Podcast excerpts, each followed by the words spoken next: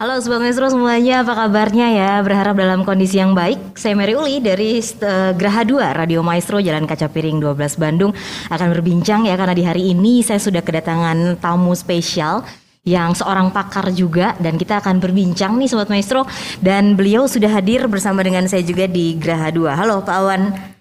Apa kabarnya? Kabar baik, sehat ya Pak sehat. Awan ya. Nah, ini Pak Awan juga di sini sudah membawa ada beberapa karya dari beliau juga dan di hari ini kita akan sharing tentang satu topik itu ya, bagaimana uh, mengelola yang namanya manusia dalam perusahaan ya kurang lebih seperti itu ya betul, Pak Awan. Nah, ini terima kasih loh kita sudah uh, boleh kehadiran seorang Pak Awan dan kita mau berbicara dulu di sesi ini seputar pengelolaan karyawan. Nah, jadi Pak Awan Santosa ini adalah founder sekaligus CEO dari Kinerja Prima nih.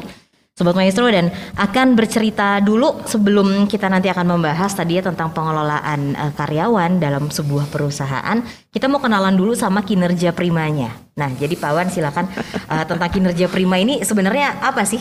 Iya, iya, iya, makasih nih. Ya. Uh, saya sebenarnya mengawali karir itu jadi karyawan, Sis. Mm -hmm. Jadi staf HRD ya awal-awal ya. uh, staf junior HRD gitulah ya.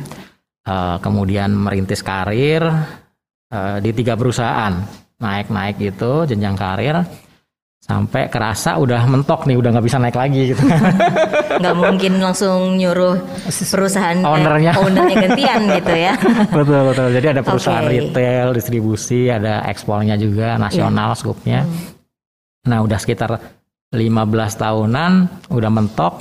Nah, di situ kita ngelihat wah, kayak-kayaknya ya. Ini banyak perusahaan yang sebenarnya pengen meningkatkan kinerja karyawannya.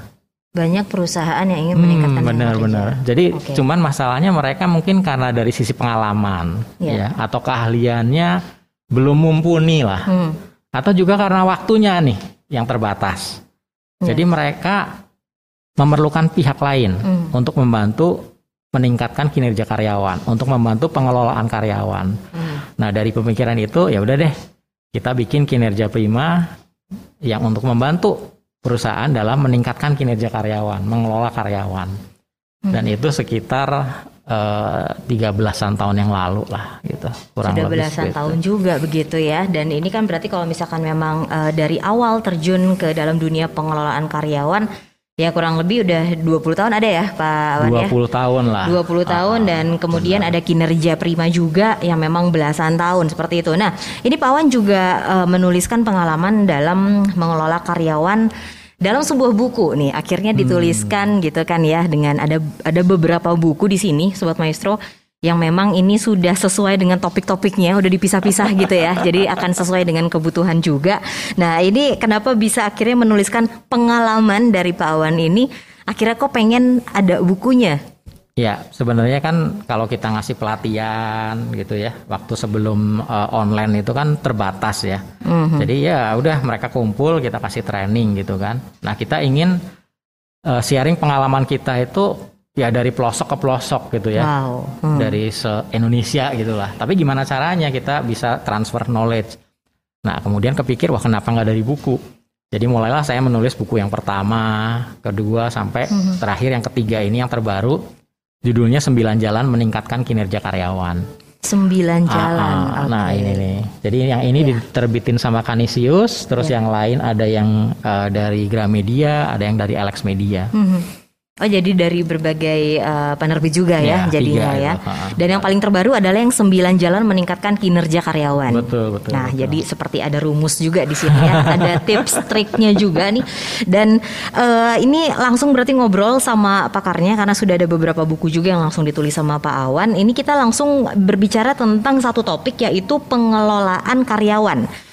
Untuk di kinerja Prima sendiri, layanannya seperti apa sih yang berkaitan dengan pengelolaan karyawan, Pak Awan? Ya, jadi kinerja Prima ini kan fokusnya meningkatkan kinerja perusahaan. Mm-hmm. Nah, ada berbagai macam kan, yeah. bisa melalui meningkatkan kinerja karyawan. Jadi kalau kinerja karyawan meningkat, ya otomatis kinerja perusahaan bisa meningkat. Yang pertama itu. Berdampingan atau ya, berdampingan. Terus yang kedua, betul kita bisa meningkatkan kinerja perusahaan dari revitalisasi nih atau transformasi di dunia usaha. Mm -hmm. Jadi kita lihat bisnisnya bisa ditransformasiin nggak? Mm -hmm. Kalau bisa kita jalanin, kita bantu di situ. Nah dari dua itulah kinerja prima hadir untuk uh, membantu karyawan untuk meningkatkan kinerjanya. Jadi maksimal supaya mereka tuh maksimal. Akhirnya yeah. kalau karyawan bisa bekerja maksimal, perusahaan juga maksimal juga dong. Ya. Yeah. Jadi akhirnya ya tadi ada sinergi yang baik juga ya dari karyawan dan itu nanti akhirnya akan jadi ke perusahaan. Berarti kita sekarang ngobrolinnya itu uh, sama seperti buku yang terakhir ya Pak Awan ya. Kalau kita akan topiknya itu membahas dulu tentang pengelolaan karyawan. Jadi yeah. kita ngobrolnya masih seputar pengelolaan karyawan begitu ya, ya Pak Awan ya. Siap, siap. Baru nanti di sesi berikutnya kita akan membahas untuk topik yang lain yang lebih seru okay. lagi. Nah, untuk peningkatan kinerja karyawan, ini kan yang diurus manusia nih dengan betul, berbagai betul. karakter, dengan berbagai pribadi juga. Betul, Semuanya betul, juga betul. saya percaya ketika perusahaan merekrut pasti sudah yang terbaik seperti ya, itu iya, kan. Jadi iya, orang-orang ya, pintar berkumpul kan justru susah nih kan untuk untuk di, disatukan begitu untuk visi misi segala macamnya. Nah, ini layanan apa aja yang memang ada di kinerja prima supaya tadi semuanya bisa terfasilitasi karyawan yang memang masing-masing berbagai latar belakangnya itu semuanya bisa bersinergi dalam perusahaan layanannya apa aja nih Pak Wan? Ya jadi sebenarnya kan perusahaan tuh biasanya punya harapan ya mm. misalnya harapannya rada tinggi lah segini, segini misalnya ya. ya tapi kenyataannya biasanya di bawah bisa di bawah sedikit bisa di bawah banyak gitu kan tapi pasti di bawah, di gitu bawah. gitu ya oke okay. jadi kurang sesuai harapan, ada gap di situ, ada selisihnya lah ya. yes. ya. Bisa selisih sedikit, bisa selisih banyak. Nah, kinerja prima ini ibaratnya masuk di situ tuh. Bagaimana kita bisa mengecilkan gap itu, jadi supaya harapannya tuh nggak terlalu jauh. Syukur-syukur hmm. uh, harapan dan kenyataan sama. Tapi biasanya kalau harapan dan kenyataan sama, perusahaan kemudian bakalan naikin naikin lagi harapannya gitu. Iya, kan udah tercapai gitu udah ya, tercapai, jadi naik gitu. lagi untuk target berikutnya Betul, gitu ya. Jadi kita bantu untuk meningkatkan uh, atau apa meminimalkan gapnya ini. Jaraknya diperkecil ya betul, ya untuk betul. gapnya itu ya. Untuk gapnya itu kita perkecil. Oke, jadi kurang lebih seperti itu ya. Jadi yeah. banyak eh, hal-hal uh, perusahaan kan tadi pasti tadi ya ada satu titik di mana itu menjadi harapan, Betul. kemudian yang lainnya masih ada di, masih bawah, di bawah dan gap ini yang akan di ya kalau bisa syukur sama tapi kalau bisa dirapatkan seperti itu ya. ya dan nah kita, itu hmm? dan kita jadi uh, membantunya dari dua sisi nih sis, hmm. dari sisi karyawan sama dari sisi perusahaan. Okay. Dari sisi karyawan ya gampangnya misalnya melalui pelatihan, training, coaching dan seterusnya.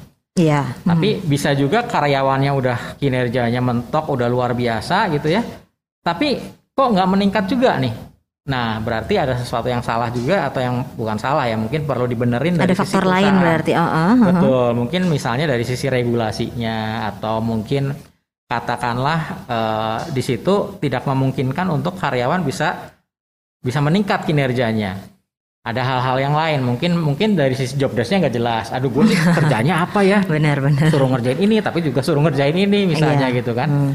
Nah, ya seperti itulah. Jadi dua sisi perusahaan ini yang kita bantu untuk kerjakan gitu kira-kira seperti itu. Jadi kurang lebih contohnya uh, seperti itu ya banyak banyak hal yang memang kurang tepat mungkin begitu ya Pak ya, Wane. Jadi contohnya gini, sekarang kan banyak perusahaan yang pengen uh, ya udah deh karena kita dapat untung nih, saya pengen ngasih lebih ke hmm, karyawan. Ada reward lebih nih. Ya atau gajinya oh. ditambahin. Ya. Nah Masalahnya kadang-kadang alokasinya kurang tepat nih sis. Jadi misalnya? Ya misalnya gini, uh, ya udah deh sekarang diumumin kalau misalnya kalian tuh hadir terus dalam sebulan, mm -hmm. ditambahin deh seratus ribu misalnya gitu. Iya. Yeah. Terus kalau misalnya nanti nggak izin-izin, uh. tambah lagi lima puluh ribu. Terus kalau nggak telat, nambah lagi lima puluh ribu. Jadi total ada dua ratus ribu kan? Iya. Perusahaan ya, pengen nih supaya kamu rajin hadir nih, kasih dua ratus ribu, mm -hmm. misalnya gitu ya. Nah tapi ternyata karyawan bisa melihat, oh kalau gitu kuncinya di hadir nih, gitu kan? Mm -hmm. Ya udah, saya bakalan kalau udah 758 bakalan lari nih supaya nggak sampai pas finger gitu kan, supaya nggak terlambat misalnya mm -hmm. seperti itu. Kemudian uh, ya dia utamakan sehat, nggak izin-izin, nggak -hmm. terlambat dan seterusnya. Jadi dia hanya ke sana. Perkara outputnya atau katakanlah kinerjanya melempem, Ya itu lain persoalan karena kan ngejarnya di kehadiran. Ya karena kan gak ada duitnya, pikirannya gitu. Mungkin nggak semua ya, tapi ya. orang pikirannya gitu. Jadi outputnya kadang-kadang uh, kurang sehingga pengusaha merasa, aduh, saya kurang gimana lagi ya? Udah nambah duit nih 200 ribu. Tapi kok kinerjanya kurang? Oh, berarti ada yang salah nih. Mm-hmm. Alokasi dananya yang kurang pas gitu. Jadi mungkin alangkah baiknya kalau kita justru tambah dana sih oke, kita katakanlah mm-hmm. 200 ribu nih, budgetnya sama nih ya 200 ribu. Tapi jangan dialokasikan ke kehadiran dong. Ya. Atau kadang-kadang ada perusahaan yang mengalokasikan misalnya ke eh, apa namanya premi atau tunjangan masa kerja nih. Mm jadi yang masa kerjanya udah puluhan Banyak, tahun ya. gitu ya ditambahin. Tapi sebetulnya kan itu nggak sebanding ya. Jadi hmm. maksudnya uh, karyawan yang sudah bekerja lama tidak otomatis kinerjanya juga belum keren tentu, gitu belum tentu gitu juga ya. malah biasanya yang baru yang semangat yang udah lama yang waduh rada melempem yang masih fresh gitu ya Betul. ada yang seperti itu kasusnya seperti ya, itu ya jadi agak kurang pas juga gitu mendingan ke ke output atau ke kinerja gitu ya hmm. Jadi ya contoh gampangnya nih, misalnya seorang administrasi gitu ya. Yeah. Administrasi itu sebetulnya disebut seorang admin yang berhasil itu kalau seperti apa? Kan ada dong kriterianya betul, kan. Betul. Ini ada ada admin yang berhasil, ada yang hmm. gagal nih. Hmm. Nah kita bisa bikin poin-poinnya. Oh admin oh. yang berhasil kalau A seperti ini atau kalau misalnya kalau ngumpulin laporan sebelum tanggal 5 misalnya ya. Terus kalau laporannya nggak salah yang keduanya gitu. Terus yang ketiganya kalau apa misalnya dia pegang uang ya eh, bon-bonnya apa semua lengkap Rapi, ya. ya. Nomor tiga itu, nomor empat apa, nomor lima apa dan seterusnya. Nah dari poin-poin itu kemudian kan kita bisa kasih bobot nih. Hmm. Jadi tidak harus uh, apa ya tidak harus semuanya bobotnya sama misalnya poin satu berat ya udah bobotnya 50% poin yang kedua ya udah deh 10% dan seterusnya yes. totalnya bisa 100% nah kemudian nanti bisa dinilai kan oh kalau gitu uh, tentunya dengan sosialisasi dulu ya nih karyawan katakanlah admin kita kasih tahu eh kamu sekarang ini loh yang dinilai ini ya mm-hmm. kalau kamu ini semua terpenuhi kamu dapat tambahan loh 200 ribu misalnya gitu ya. Jadi alokasi dananya sama 200 ribu. Nggak nggak berkurang atau nggak bertambah. Tapi lebih tepat. Betul gitu. lebih tepat jadi 200 ya, ribu daripada cuma buat hadir-hadir doang kinerjanya nggak ada kan susah. Iya. Nah dari situ karyawan akan kejar ke sana. Oh kalau gitu poin-poin ini saya harus penuhi nih iya. gitu.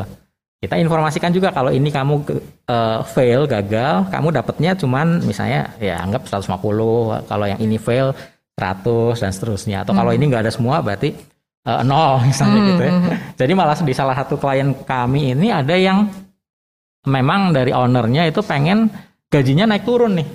Hmm.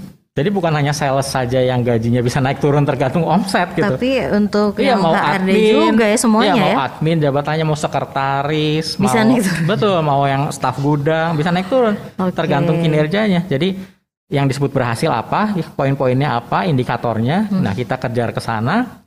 Kemudian ya udah nanti oh ini bisa kalau jadi kadang-kadang karyawan tuh sebelum gajian udah yang diterapin ya yang kita terapin waktu itu. Sebelum gajian udah kerasa. Wah, nanti tanggal satu saya bakalan gede nih gitu, ada tambahan. Ya, ya. Karena ininya berhasil, ininya berhasil, ininya oke, okay, ininya nggak telat dan seterusnya. Tapi kalau ternyata uh, dia ngerasa kurang nih misalnya ya dia juga akan kerasa aduh kayaknya tanggal satu saya cuma dapat segini nih karena kemarin ini saya lupa nggak dikerjain hmm. misalnya ininya juga laporannya telat misalnya waduh hmm. saya gajinya cuma segini nih gitu hmm. tapi ini membuat karyawan jadi uh, jangan sampai ada di zona nyaman kan yeah. jadi terus bergerak ngejar oh ayo ayo ayo Gitu. Wow. Nah dari penilaian itu kalau udah ketemu angkanya ya misalnya dalam bulan itu tadi ya udah dikaliin gitu kan poin-poinnya oh totalnya ada 80 eh, misalnya atau 85 udah ada angkanya nih setiap hmm. karyawan kan, udah ada nilainya nih. Nah kalau udah ada angka seperti itu sebenarnya akan lebih mudah kan.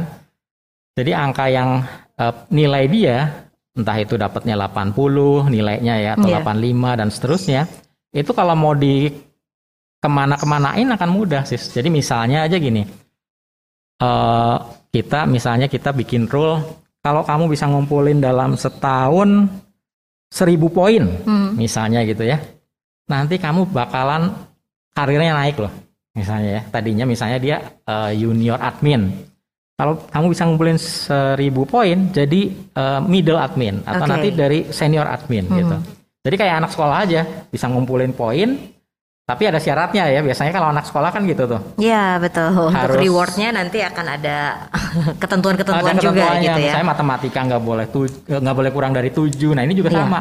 Tapi kamu nggak boleh mangkir atau apa gitu kan. Oke. Okay. Misalnya seperti itu. Nah bisa juga misalnya dilarikan ke uh, hadiah misalnya. Hmm. Jadi kalau kamu udah ngumpulin seribu poin nih dalam setahun, nanti dapat handphone baru loh. misalnya kan orang senang nih gitu misalnya semangat gitu, juga ya semangat, ya jadinya gitu. ya atau mungkin kalau misalnya nanti udah nggak ada pandemi mau piknik juga bisa kan hmm. kalau yang seribu poin dapat piknik nih tapi kalau yang mencapai 1100 misalnya pikniknya ke Pangandaran ya kalau yang 1100 hmm. khusus dapat tambahan ekstra ke kawah putih eh kawah putih pasir putih pasir ya putih, ya. pasir putih gitu kan tapi kalau poinnya misalnya lebih dari 1100 bisa ke uh, dapat uang jajan misalnya ya. gitu ya pokoknya gitulah jadi dari poin itu bisa lari ke mana-mana, bisa untuk jenjang karir selanjutnya, hmm. bisa untuk tadi reward-reward atau mungkin nanti bisa ada makan malam bersama uh, direksi seperti hmm. itu. Oke, jadi itu sebenarnya hal-hal yang penting juga ya untuk uh, masuk dalam bagaimana tadi untuk meningkatkan kinerja. Jadi akhirnya awalnya dari job desk seperti itu kan, lalu ada indikator-indikator keberhasilan juga, jadi lebih kompleks sebenarnya ya. Tapi ini akhirnya kan uh, banyak juga kita misalnya dari perusahaan dari sisi perusahaan ini memang perusahaan-perusahaan yang baru mulai seperti itu ya hmm. masih UMKM mungkin gitu tapi memang sudah punya pegawai sudah punya karyawan tapi apakah harus tetap bisa melakukan step-step seperti itu dan uh, kinerja prima bisa membimbingnya sampai sejauh mana karena kan masing-masing perusahaan tadi juga ya kondisi untuk petikasnya untuk keuangannya kan pasti berbeda-beda ya Pak Awan ya kalau ya. ini seperti apa nanti bimbingan dari kinerja Prima terkait dengan uh, tadi untuk job desk dan untuk job list ya, seperti ya, itu iya nyusunnya itu seperti apa ini bisa ya. dibantunya ya. seperti apa jadi memang untuk menuju yang poin penilaian tadi itu kan nggak bisa langsung ujuk-ujuk ya hmm. jadi perlu ada pasti job desknya dulu harus beres kan ya jadi kita nggak bisa menilai seorang kalau kerjaannya dia juga kita nggak tahu apa gitu. Gimana tahu kalau kerjaannya beres. Jadi ada job desk dulu harus kita susun. Nah kemudian, eh, nah untuk urusan job desk ini juga banyak sekali ini sih. Jadi banyak sekali yang mungkin salah persepsi ya. Hmm. Jadi pada suatu ketika kita ngobrol dengan PD-nya, uh, eh, owner bilang, oh kita udah ada job desk. Oh yeah. oke, okay. lihat dong. Oh ternyata bukan job desk tapi list kerjaan job list gitulah ya tadi job yang, list oh, ya beda ya, ya betul. sebenarnya. Betul jadi kerjaannya satu ngapain dua ngapain oh, oke. Okay. tapi nggak apa-apa. Jadi minimal udah ada pedoman kan. Betul. Tinggal dari job list ini kita transfer kita tambahin bumbu-bumbu segala macam hmm. supaya jadi job desk.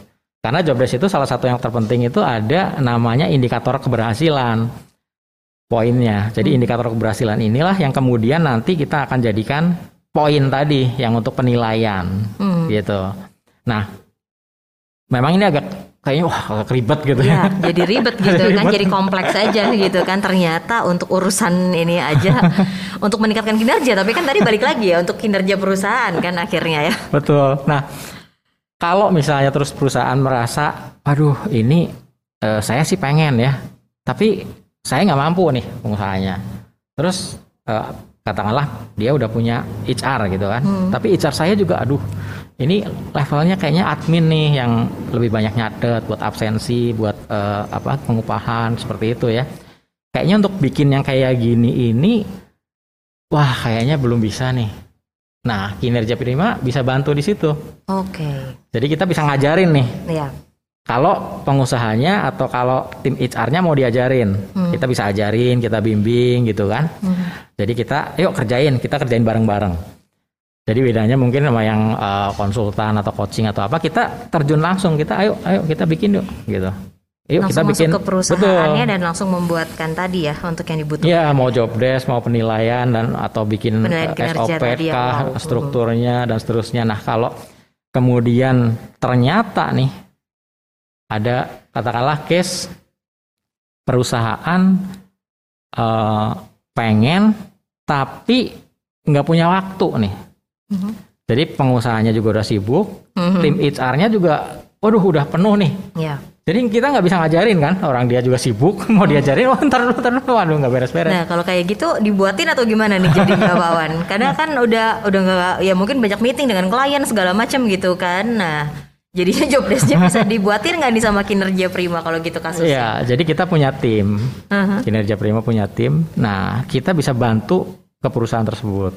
Jadi tim kita, tim kami ini ini bisa hadir ke sana. Jadi kayak kerjanya itu memang di sana dari pagi sampai sore di sana. Hmm. Untuk ngapain ya itu bikin-bikin dari mulai uh, visi misinya kalau belum ada, kemudian struktur organisasi, job desknya, penilaian kinerjanya, yes. terus membentuk budaya perusahaan dan seterusnya. Jadi setiap hari hadir ke perusahaan itu. Kita tempatkan karyawan kami, tim kami di perusahaan tersebut. Oke. Okay. Nah, kalau misalnya perusahaannya ternyata tidak terlalu besar, jadi uh, waduh kita masih skala menengah nih atau skala kecil gitu kan, atau lingkup job desk-nya itu belum terlalu uh, belum terlalu banyak lah job desk HRD-nya gitu ya. Jadi kerjaan HRD-nya belum terlalu banyak lah misalnya gitu kan. Uh, nggak masalah atau mungkin budget buat HRD nggak terlalu banyak nggak terlalu gede gitu kan nggak masalah juga tim kami nggak selalu harus setiap hari hmm. jadi bisa juga seminggu tiga kali misalnya. Atau pengusaha merasa ya saya sih ini HRD perlu nih. Saya pengen nih kinerja karyawan meningkat nih. Tapi budgetnya aduh kurang nih. Atau kayaknya saya nggak terlalu uh, complicated banget kayak perusahaan gede. Bisa nggak seminggu cuma tiga kali deh ke tempat saya?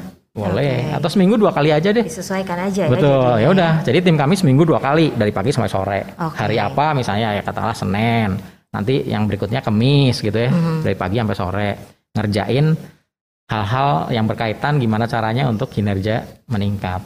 Wow. Kira-kira gambarannya gitu. Gambarannya seperti itu. Jadi memang kinerja Prima akan membantu. Mungkin boleh diinformasikan dulu untuk uh, informasi kalau mau diskusi begitu ya atau mau tanya-tanya juga bisa ke mana nih untuk dikasih tahu ke sobat maestro kontaknya? Oke, jadi bisa ke telepon atau WhatsApp di 0851 0522 6999. Oke, telepon atau WhatsApp ya. Sekali lagi boleh Pak Awan. 0851 0522 6999. Jadi itu bisa janjian dulu ya di bisa situ ya. Mungkin untuk telepon, untuk WhatsApp sekali lagi di 0851 0522 6999 gitu ya. Sebelum nanti kita akan uh, berbincang tentang tema lain, mungkin satu pertanyaan yang masih berkaitan dengan karyawan-karyawan yang ada dalam perusahaan ini kan berkaitan dengan rekrutmen. Ini juga hmm. menjadi salah satu tantangan ya untuk perusahaan-perusahaan gitu ya. Kadang-kadang bahkan ada perusahaan yang kasih ke pihak lain untuk minta tolong aja dia direkrutin ah, seperti itu. Mungkin betul, betul. seperti apa sih dari sisi Pak Awan sendiri uh, dalam masalah rekrutmen ini. Karena kan ya yang menganggur juga banyak gitu ya. Tapi kita mau masukin karyawan ke perusahaan juga kan harus pilih-pilih juga ya. Jadi ada tips-tipsnya nggak sih? Seperti apa? Ya jadi ya itu kadang-kadang teman-teman juga para pengusaha itu merasa dalam tanda petik wah katanya banyak yang nganggur nih tapi kok susah ya nyari staff anu gitu. Ya ya ya ke mana nih? di posisi itu susah banget gitu nyarinya. Ya, ya ada beberapa tips sih sebenarnya buat uh, sahabat maestro ya. ya. Jadi yang pertama jumlah pelamar yang masuk itu ada berapa? Mm -hmm. kalau jumlahnya sedikit atau kita cuma posting di WhatsApp grup gitu-gitu ya akhirnya pelamarnya sedikit kan. Akhirnya pilihan kita juga sedikit Terus pas dipanggil entah wawancara psikotes seperti itu juga lebih sedikit lagi. nah kalau udah sedikit lagi kebetulan kebutuhan e, perusahaan lagi banyak nih. Yeah. Kerjaan lagi numpuk akhirnya aduh ya udahlah ya udah pakai yang ini aja lah daripada yang ada oh, aja, udah ya, yang ini aja deh ya udah udah udah nggak bisa lagi nanti siapa yang mau ngerjain akhirnya seadanya gitu kan yang ada diterima padahal mungkin kemampuannya kurang. Hmm. Nah, dua mungkin awal-awal oke okay, gitu ya, tapi dua tiga bulan kemudian baru pengusahanya komplain. Hmm. Eh, kok kerjanya kayak gini ya? Tapi pas kita diskusi, telusurin lagi, ya dulu yang terima siapa? Dulu cara ceritanya gimana gitu. Nah itu urusan awal ya. Jadi masalah yeah. numbers ini penting nih. Hmm. Jadi kita katakanlah informasi lowongan itu ke mana aja supaya hmm. numbersnya banyak. Kemudian yang juga sering salah nih di perusahaan, hmm. bukan salah ya, tapi kurang tepat lah ya. Yeah. Hmm. Perusahaan tuh memposisikan dirinya itu sebagai pembeli nih pada saat proses rekrutmen. Pembeli lah sis. Kayak sis aja nih, sis Mary kalau mau beli gimana? Mau beli telur misalnya. kan dilihat-lihat dulu kan Iya. lihat gini oh ini aduh kayaknya Pilih jelek paling- iya, taruh iya, lagi betul. ini bagus ini oke nih oh ini enggak nah banyak perusahaan me- memposisikan sebagai pembeli nih pada saat proses Rekrutmen. rekrutmen. Jadi ngelihat lamaran atau wawancara ngobrol gitu kan tanya ini itu segala macam terus ah ini kayaknya enggak lah udah next berikutnya. Ini oh, oke lah ini lumayan. Ini dan seperti seperti itu terus gitu. Nah padahal zaman sekarang kita perlu juga memposisikan perusahaan ya kita sebagai marketing sebetulnya Saat mau rekrutmen itu perusahaan memposisikan sebagai marketing. betul Wah, gimana tuh Pak Wan? karena kalau pembeli kan kita milih-milih tapi jangan lupa bahwa bukan hanya perusahaan yang bisa milih pelamar tapi sekarang pelamar juga bisa milih-milih perusahaan Iya, ya, ya mau sama mau di ya. mana nih gitu kan jadi maksudnya bagaimana sebetulnya perusahaan menjual diri dia sendiri Hmm. di hadapan pelamar gitu. Dari mulai mungkin pertama kali nelpon, kemudian satpamnya gimana Hmm. gitu kan. Kemudian apakah eh, di perusahaan tersebut sambil nunggu biasanya kan gitu ya kalau mau wawancara nunggu dulu gitu kan. Nah, apakah sambil nunggu kita bisa melihat company profilnya, apa bisa di setelin TV gitu kan? Ya. Oh, ini udah sekian tahun lahir ya misalnya ya, dan seterusnya. Jadi katakanlah pada saat nantinya ada panggilan lagi nih, katakanlah final interview gitu, nego gaji misalnya kan. Nah kalau pas samaan, ya karena kan gini, sekarang lagi wawancara di perusahaan A gitu ya, besok bisa-bisa pelamar yang sama ini ke perusahaan B. Ada yang di Iya. udah ngontak juga gitu Oh, dari oh, company dari kemarin-kemarin. lain. oh. Nah, Terus mungkin nanti final interviewnya mungkin di waktu yang sama. Nah si pelamar kan jadi milih, wah Betul. mau ke perusahaan mana ya, A atau B nih? jadi mereka yang milih ya. Nah, mereka yang milih. Nah kita tentunya harapannya ke perusahaan kita gitu kan. Iya. Nah pelamar ini apa yang ada di mindset dia? Oh kalau perusahaan A tuh oh, kemarin sih ramah ya misalnya ya satpamnya atau ruang tamunya. Yes. Terus ternyata juga prospeknya seperti ini udah di ta- udah dikasih tahu kan di company profile dan seterusnya. Dia mungkin akan lebih memilih gitu. Tapi kalau perusahaan yang eh, kayaknya cuek gitu ya, terus kayaknya kok gua tamu kayak di di kalau mentang-mentang kurang. Nah, gitu ya. mentang-mentang pelamar kok dikucilin gitu ya, Iya. di ujung duduknya yang banyak nyamuk misalnya gitu kan. Mungkin dia jadi nggak milih gitu. Iya. Jadi bagaimana kita bisa menjual? Nah itu mindsetnya yang perlu, bukan hanya sebagai pembeli nih, tapi kita menjual perusahaan kita seperti Hmm. apa. Nah, jadi salah satu hal yang penting memang tadi ya sangat krusial ketika kita rekrutmen. Gimana kita juga memang memasukkan orang baru yang kita juga hanya tahu tadi dari CV saja. Memang akan ada tes-tes berikutnya seperti itu ya, ada psikotes, ada segala macam. Nah, Tapi kalau betul, misalnya memang eh, belum pas atau seperti apa kan masih bingung lagi gitu ya ketika memang dibaca hasil psikotesnya. Tapi posisi itu sudah harus diisi. Nah, ini kalau kasusnya seperti ini ya, eh, HRD-nya udah kebingungan juga gitu kan takut salah kan daripada ini bisa nggak sih diberi ke teman-teman dari kinerja prima untuk HRD-nya udahlah dari Pak Wan aja lah tolong pilihkan yang paling baik nah kalau seperti itu case-nya seperti apa Pak Wan? Iya bisa juga. Hmm. Jadi memang ada juga yang seperti itu ya. Eh, tapi ini tadi hubungannya sama rekrutmen, kemudian kan misalnya kalau oke, kemudian di psikotes tadi ya, Sis Mary Iya. sempat bilang psikotes gitu kan. Eh, banyak juga perusahaan yang agak keliru nih Sis untuk urusan psikotes ini. Jadi mungkin gampangannya udah deh bikin tes atau cari di di apa ya di Google Iya, gitu kan, banyak ya Eh, di print gitu ya. kan, terus ditesin. Nah ini agak bahaya nih. Jadi maksud saya gini, eh, psikotes ini kan alat ukur kan. Hmm. Kita misalnya ambil contoh katakanlah eh, timbangan, timbangan alat ukur berat Hmm. gitu kan. Nah psikotes ini alat ukur ya untuk masuk kerja misalnya kan. Nah timbangan alat ukur berat sama-sama timbangan. Betul. Tapi kalau misalnya saya ingin menimbang badan, berat badan saya, tapi di timbangan meja nih yang buat kue, Hmm. kan nggak pas nih, ancur gitu kan. Sebaliknya, kalau misalnya saya pengen nimbang kue, eh, sorry nimbang eh, tepung gitu ya, mau bikin kue Makanan, nih makanan, iya, tapi di timbangan badan malah nggak pas, Iya. kuenya juga bakalan nggak enak. Iya. Jadi harus timbangannya sama-sama timbangan judulnya, tapi harus yang sesuai kan. Timbangan meja, ini timbangan berat badan dan seterusnya macam-macam timbangan. Hmm. Nah demikian juga alat tes nih, nggak bisa sembarangan. Hmm. Jadi mungkin kita sekedar ya udah browsing atau sekedar ngetes deh gitu kan. Oh ini benernya segini, salahnya segini. Takutnya justru keliru menyaringnya. Jadi yang harusnya bagus, tapi karena alat tesnya kurang pas, dia mungkin hasilnya jelek. Tapi karena memang alat tesnya nggak pas gitu. Hmm.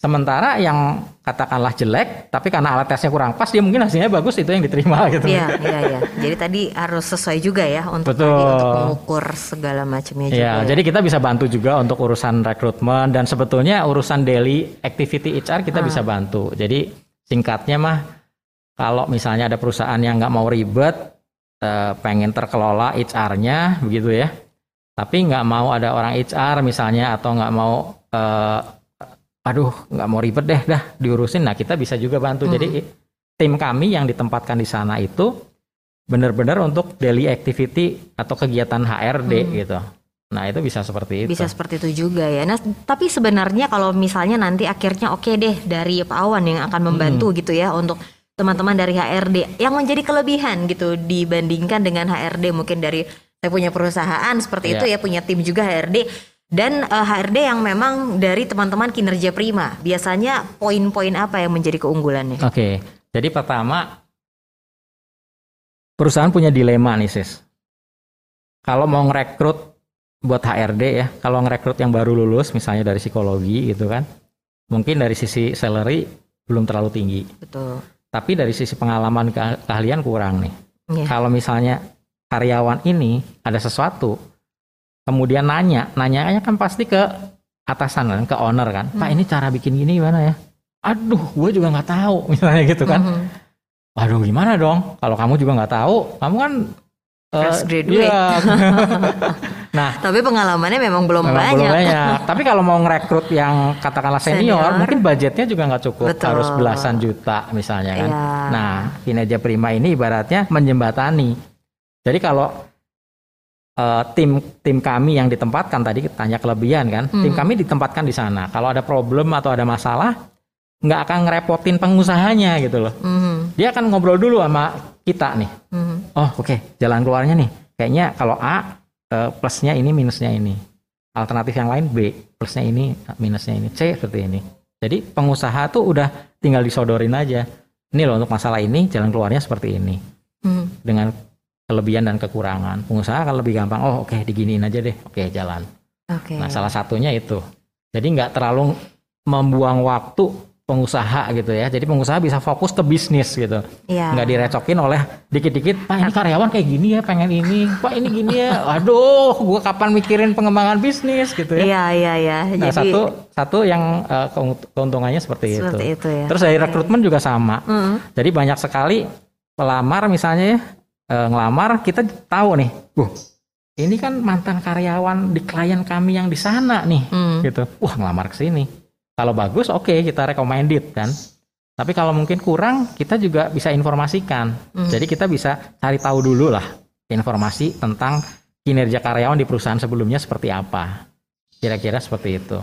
Nah kemudian proses rekrutmennya sendiri atau mencari numbers yang tadi tuh supaya jumlah pelamarnya banyak itu hmm. juga akan lebih mudah karena apa? Karena kita ada linknya kan sama tim di kinerja prima di sana lagi nyari, di sini lagi nyari, kita bisa saling tuker-tukeran nih. Yes. Eh kamu udah dapat udah eh kelebihan lamarannya ke siniin dong misalnya gitu kan iya bisa uh, jadi ya, oh iya seleksi ya. lagi gitu uh, seperti itu jadi bisa lebih cepat sesuai iya bisa lebih cepat uh, mempersingkat untuk waktunya aja lebih efisien gitu ya. sebetulnya jadi pengusaha pertama nggak direpotkan dia bisa fokus ke bisnis mereka karena urusan karyawan yang repot-repot udahlah biarin sama kita aja gitu kan. Fokus ke bisnis gitu. Wow ya. Jadi memang menjadi uh, praktis tentunya lewat kinerja prima apalagi untuk mengelola karyawan. Ini bahkan masih sedikit. Kalau nanti uh, sobat maestro mungkin membeli buku dari uh, Pak Awan di sini ada sembilan loh sembilan jalan untuk meningkatkan kinerja karyawan jadi yang kita bahas ini masih general banget lah masalah-masalah klasik sebenarnya ya Pak Awan ya. Nanti kita akan lanjutkan di sesi kedua di mana kita akan berbicara tentang bisnis ya Pak Awan ya. Yeah. Kita akan bicara tentang bisnis tapi saya mau informasikan kembali untuk kontak yang bisa Anda hubungi terkait dengan tadi untuk dibantu segala sesuatunya khususnya berkaitan dengan HRD dalam perusahaan, dalam bisnis teman-teman semuanya ya. Silakan boleh untuk nomor WhatsApp teleponnya di save dulu pasti membutuhkan ini suatu hari nanti ya bisa ngobrol-ngobrol sama Pak Awan di 0851 0522 6999 sekali lagi di 0851 0522 6999. Ya, uh, Sobat Maestro masih bersama dengan saya Mary Uli, juga ada Pak Awan Santosa, founder sekaligus CEO dari Kinerja Prima ya. Sudah ada enam buku yang ditulis oleh beliau sendiri. Dan kita juga masih di Gradua Radio Maestro. Kita lanjutkan perbincangan kita. Kalau tadi di sesi sebelumnya kita tuh sudah membahas uh, masih sedikit sih sebenarnya ya tentang kinerja karyawan. Jadi untuk Anda yang mungkin ingin berkonsultasi saya akan kasih tahu dulu nih untuk nomor yang bisa Anda hubungi di 0851 0522 6999. Sekali lagi di 0851 0522 6999. Kalau tadi satu topik tentang kinerja, di sesi ini kita akan membahas tentang bisnis. Tapi sebelumnya ini ada testimoni dulu ya. Ini ada enam buku. Mungkin salah satu bisa diceritakan ada ya, ya, ya. testimoni apa nih Pak Awan? Ya, ini buku yang terakhir ya, terbaru ya, ya yang betul, terbaru. Betul. Hmm. Sembilan jalan meningkatkan kinerja karyawan. Sebenarnya testimoninya banyak nih. Hmm. Ada mungkin sis Mary kenal Handi Irawan itu yang yang punya majalah marketing, hmm. gitulah bosnya Handi, gitu ya. Uh-huh. Kemudian ada Pak Sudamek, dia chairmannya Garuda Food nih, Pak Sudamek ya. Kemudian ada dari Bang Artos nih direktur utamanya okay. gitu kan, banyak banget nih. Dan juga kalau kita tahu ada dari, dari Mayora itu ya satu lagi dari Mayora gitu kan ya. betul betul itu uh, corporate HR directornya juga uh, memberikan testimoni di buku ini wow. termasuk juga ada Pak Paulus Bambang ya yang aktif di uh, KBC mm -hmm. uh, dan uh, penulis buku Lead to Bless ya Nah, jadi memang sudah banyak juga ya rekanan juga teman-teman yang memang dibantu juga oleh kinerja Prima tentunya dalam hal tadi di di HRD-nya gitu di sumber daya manusia. Nah, sekarang kita berbicara tentang bisnis. Okay. Pak Wan, banyak bisnis-bisnis apalagi ini tahun kedua pandemi ya. Wah, kayaknya udah banyak bisnis yang baru, banyak juga yang memang tidak bisa bertahan. Pokoknya macam-macam lah ceritanya gitu yang me memang kita juga banyak terkejut seperti itu kan. Tapi yeah. ini kan uh, bukan karena pandeminya juga sebenarnya jangan nyalahin itu aja. Pasti banyak faktor-faktor lain juga yang bikin uh, sebuah bisnis bisa bertahan atau tidak karena banyak juga yang akhirnya mampu melewati masa-masa pandemi seperti itu ya. Ini juga masih banyak uh, yang pasrah juga dengan situasi seperti ini. Ada yang masih nunggu aja, ada yang tetap bertahan dengan konvensional, ada yang memang sudah mencoba dengan berbagai hal online, offline segala macam gitu ya. Tapi ada juga yang belum ngapa-ngapain dan belum action kayak masih nunggu aja ya udah day by day begitu betul, ya. Betul, nah betul. ini boleh ditanggapi dong kalau menurut Pak Wan sendiri seperti apa sih supaya memang bisnisnya itu ya paling tidak bisa tetap running lah walaupun di tengah pandemi global ini. Iya, uh, memang nggak semuanya diem lah ya, ada hmm. juga yang terus bergerak gitu kan. Tapi yang menarik adalah sebetulnya gini, uh, mungkin Sis Mary pernah denger ya atau pernah baca ya ada satu cerita tentang uh, sebuah desa yang kema mengalami kemarau panjang nih, nggak hujan-hujan okay. gitu kan. Uh -huh. Jadi udah panjang banget nih, udah waduh kritis banget gitu kan. Kemudian di desa tersebut sepakat nih untuk berdoa bareng-bareng. Mm-hmm. Jadi sore doa, doa bareng-bareng di lapangan sepak bola gitu kan. Mm-hmm. Satu jam udah doa, mohon supaya cepet-cepet hujan gitu kan. Yeah. Nah, singkatnya selesai doa, mereka pada pulang. Paling makan malam terus tidur. Mm. Hampir semuanya. Tapi ada satu rumah yang begitu pulang dia sibuk ngeluar-ngeluarin ember, jolang, uh, segala macem lah gitu. Mm-hmm. Nah, rumah yang lain itu pada nanya-nanya heran kan? Ngapain lu keluar-keluarin ember jolang segala macam di sekeliling rumah gitu? Nah yang ditanya malah bingung. Loh kamu kan barusan berdoa supaya turun hujan. Lah yeah. kalau nanti malam hujan gimana? Kamu nggak siapin wadahnya. Wow. Ya kan? Hmm. itu kita udah sering banyak lah. Nah demikian juga kita nih. Kita jangan-jangan kayak gitu sis. Kita doa aduh pandemi cepet krisis cepet berlalu gitu kan tapi kita sendiri nggak menyiapkan dalam tanda petik jolangnya gitu. Wadahnya, gitu. Oh, ya. gimana kalau misalnya nanti malam nih diumumin gitu kan sama Pak Presiden, besok udah nggak ada covid-covidan ya, kita udah bebas, covidnya udah eh, check out gitu kan. Tapi belum ready ya nah, kita ya siap, untuk siap start. apa, apa gitu kan. Nah, saya, saya rasa kita semua doanya kan supaya kembali normal yes. gitu kan, uh. supaya omsetnya juga kembali normal, uh mhm. -huh. bisnisnya kembali jalan luar biasa. Tapi kita udah siapin fondasinya kembali belum nih? Hmm. Mumpung di masa-masa seperti ini gitu kan. Nah itu yang kadang-kadang mindsetnya masih perlu kita perbaiki di sisi pengusahanya. Gak sadar juga sebenarnya ya, jadinya oh miss di bagian itu. Tapi sebenarnya kalau dalam sebuah bisnis itu memang selalu adakah masa-masa seperti ini? Suka dibilang ada masa paceklik gitu ya, ada uh, masa yang memang lagi ya pastilah up and down seperti itu gitu. Tapi apakah itu memang uh, sewajar dan senormalnya dalam bisnis, Pak ya, Awan? Jadi uh, di masa yang paceklik itu biasanya kita punya strategi gitu kan. Gimana caranya kita bisa bertahan di masa tersebut. Jadi saya yeah. menyebutnya mah ada tiga fase gitu ya. Mm. Pertama fase bertahan nih. Kalau lagi paceklik, lagi pandemi, lagi krisis, kita bertahan. Gimana caranya? Kemudian setelah masa selain masa bertahan itu kita katakanlah ada yang namanya B yang jadi 3B kan. B yang selanjutnya adalah bagaimana ber uh, B yang terakhir dulu ya. Mm -hmm. B yang mm-hmm. terakhir itu bertransformasi. Mm-hmm. Nah, jadi dari mulai bertahan, kemudian yang uh, terakhir bertransformasi bisnis kita harus transformasinya seperti apa.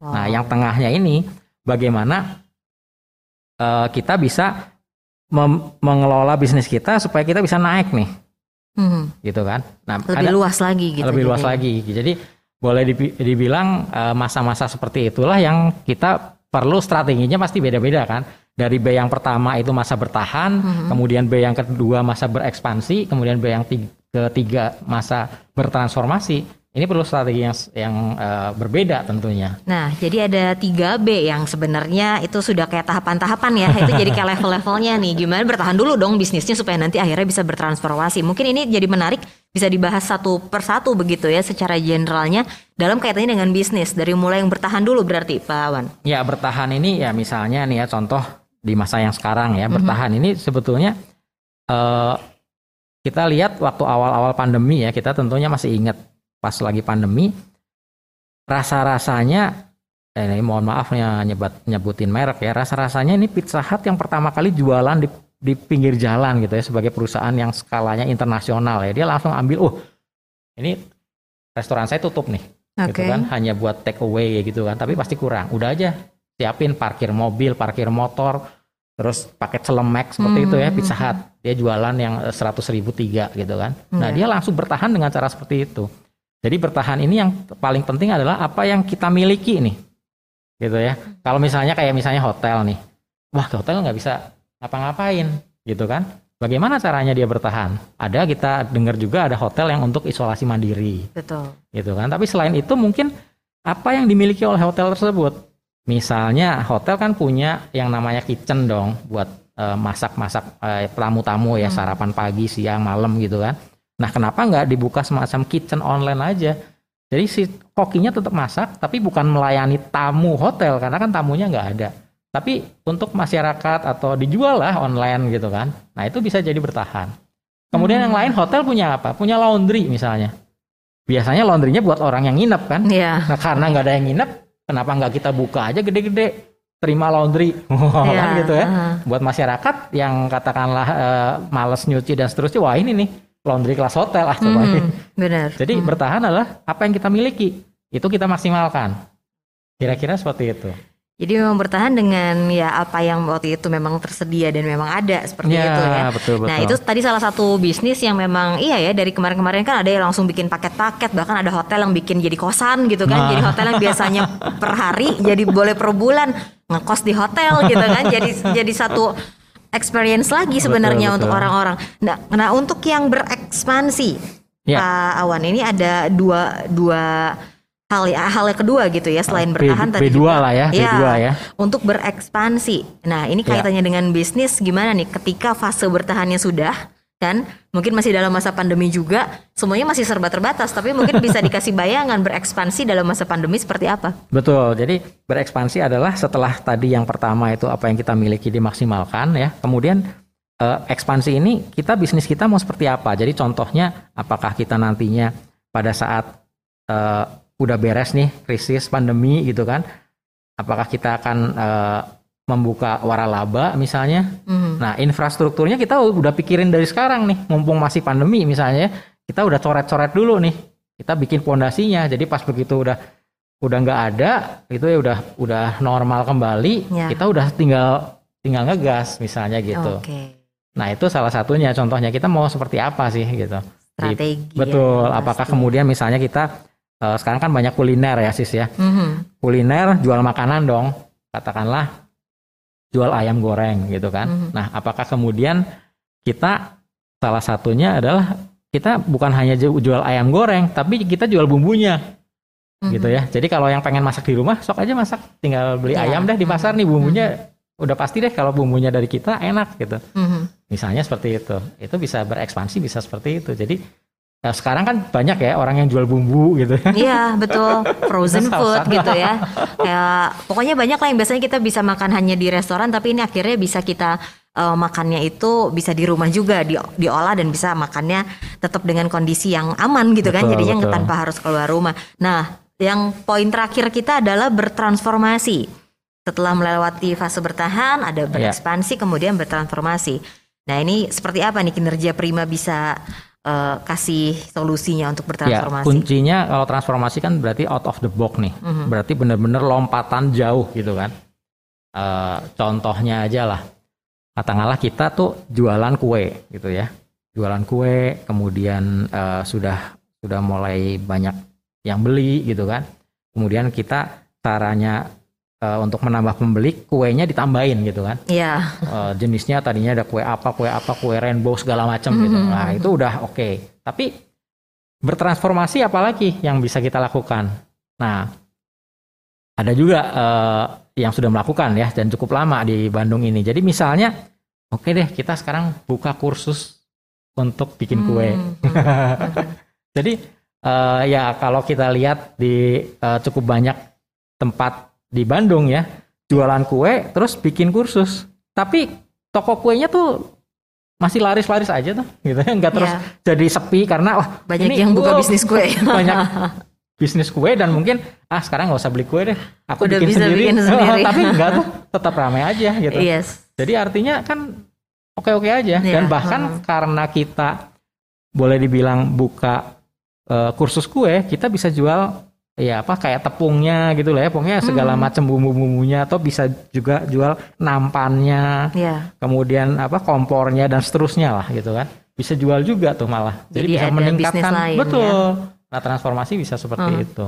Oke ya, jadi ini adalah satu hal yang luar biasa tentunya untuk kita semua. Dan saya mungkin mau informasikan kembali untuk nomor yang bisa Anda hubungi ya. Untuk bisa berkonsultasi di 0851 05226999 sekali lagi di 0851 05226999. Nah, ini juga ada satu hal yang uh, kinerja Prima bisa bantu dalam urusan ini begitu. Ada beberapa hal yang memang untuk uh, suka ada namanya bisnis plan seperti itu ya yeah. untuk untuk kita bisa mereview sebuah bisnis. Mungkin secara general seperti apa nih Pak Awan? Ya, biasanya bisnis itu kita mesti ngelihat nih.